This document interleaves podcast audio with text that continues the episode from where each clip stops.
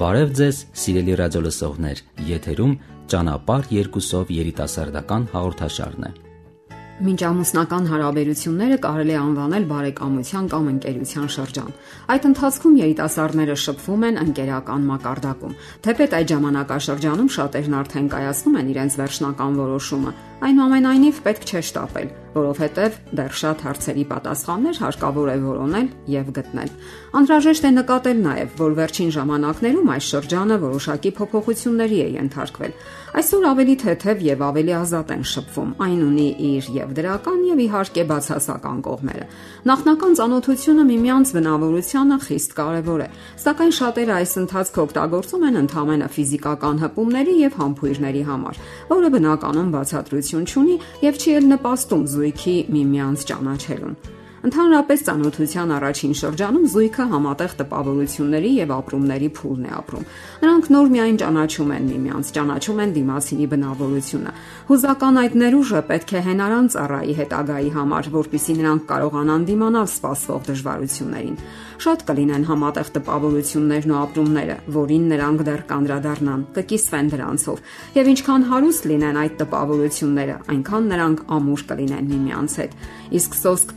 փաղաքշանքների, քնքշանքների մակարդակում մնացած զույգը, եթե նույնիսկ միավորվի էլ եւ ամուսնանա, ապա հուզական հոգեբանական ոչ մի հիմք չի ունենա։ Իսկ այդպիսի միությունները սովորաբար արագ են քայքայվում կամ էլ երիտասարդները պետք է խոստովանեն իրենք իրենց, որ հանդիպում են ընդամենը դրա համար, եւ դա երբեք էլ լավ բանի չի հանգեցնելու։ Այդպիսի բացասական փորձառությունները նախաամուսնական սեռական հարաբերությունները անհետք չեն անցնում եւ հետագայում շատ անգամ կանգնեցնում են կոտրած տաշտակի առաջ։ Երիտասարդական հարաբերությունների եւս մեկ բացասական կողմ Կողմերը հույս ունեն վերադասյարակելու միմյանց։ Այս մոլորությունը եւս երկար կյանք չունի։ Ավելի լավ է համատեղ քննարկել միմյանց ուժեղ եւ թույլ կողմերը, փորձել գալ ընդհանուր հայտարարի, հասկանալ, որ քիչ դեպքերում է, երբ բնավորության վատ բացասական գծերը սովորաբար պահպանվում են ողջ կյանքի ընթացքում։ Կան իհարկե անհատներ, ովքեր մեծապես գիտակցելով իրենց բնավորության թերությունները ջանքեր են գործադրում դրանցից ազատագրվելու համար։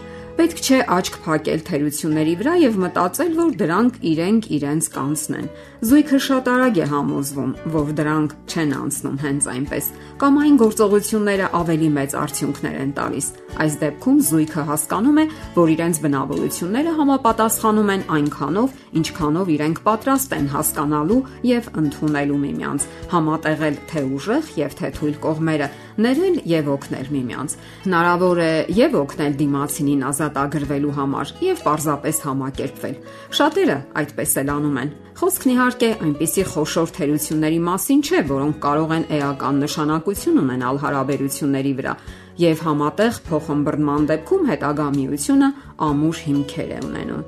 Եվ այսպես, դուք շփվում եք։ Ինչի վրա պետք է ուշադրություն դարձնել։ Մասնագետները խորհուրդ են տալիս կողմերին ծանոթանալ միմյանց ընտանիքների կացութաձևին։ Ինչպիսի քաղաքականություն են վարել, ինչպիսի ամրություն են ունեցել, ինչպես են լուծել հիմնախնդիրները եւ այլն։ Հարցն այն է, որ դրանք փոխանցվում են նաեւ հետագա սերունդներին, երիտասարդներին եւ սահմանում են նրանց վարվելակերպը։ Հարկավոր է ուշադրություն դարձնել նաեւ այն բանին, թե ինչպես եւ ինչքանով են իրենք պատրաստ դիմակայելու սպասվող հիմնախնդիրներին ու դժվարություններին գուցե տարօրինակ թվա, սակայն երիտասարդները երբեմն ռոմանտիկ տրամադրության մեջ մտածում են, որ սերը կարող է հաղթահարել ամեն ինչ։ Սերը իսկապես շատ բան կարող է հաղթահարել, սակայն նույնիսկ նա հաճախ անզոր է լուրջ հիմնախնդիրների առջև։ Մյուս պահը, որի վրա անհրաժեշտ է ուշադրություն դարձնել, Երիտասարդների պատրաստվածությունն է կենցաղային հիմնախնդիրներին, ինչպես նաև գիտակցումն այն բանի, թե ինչպիսին է իրենց մակարդակը այդ բնագավառում, հասկանալ, որ հենց կենցաղային մանրուքներն են հաճախ վճռորոշ դեր դառնում հարաբերությունների հաստատման մեջ։ Սերն իհարկե կարևոր է, սակայն անպատրաստ լինելը հոգնեցուցիչ ու ձանձրալի կենցաղին կարող է փոշիացնել ձեր ամենալավ ցանկություններն ու դիտավորությունները։ Հաջորդ պահը սեփական եւ դիմացինի զգացմունքների ստուգումն է ինչպես նաև հնարավոր համատեղելիության գնահատականը։ Հնարավոր համատեղելիությունը սահմանելու համար հարկավոր է ստուգել ֆունկցիոնալ կամ դերային համապատասխանությունը, այսինքն թե ինչպես եք պատկերացնում ձեր դերը ամուսնական կամ ընտանեկան կյանքում, ինչ հեռանկարներ եւ երազանքներ ունեք։ Ուշադրություն դարձրեք փոխհարաբերությունների եւ շփման հմտությունների վրա, միմյանց հասկանալու մակարդակի վրա, վիճահարույց իրավիճակները հաղթահարելու փոխադարձ ընդունակության վրա։ Դե ինչ, կարևորեք երիտասարդական հանդիպումները եւ այն ծառայեցրեք տեղին ու նպատակին։ Ձեզ ուզող հարցերի համար կարող եք զանգահարել 093 00 63 27 կամ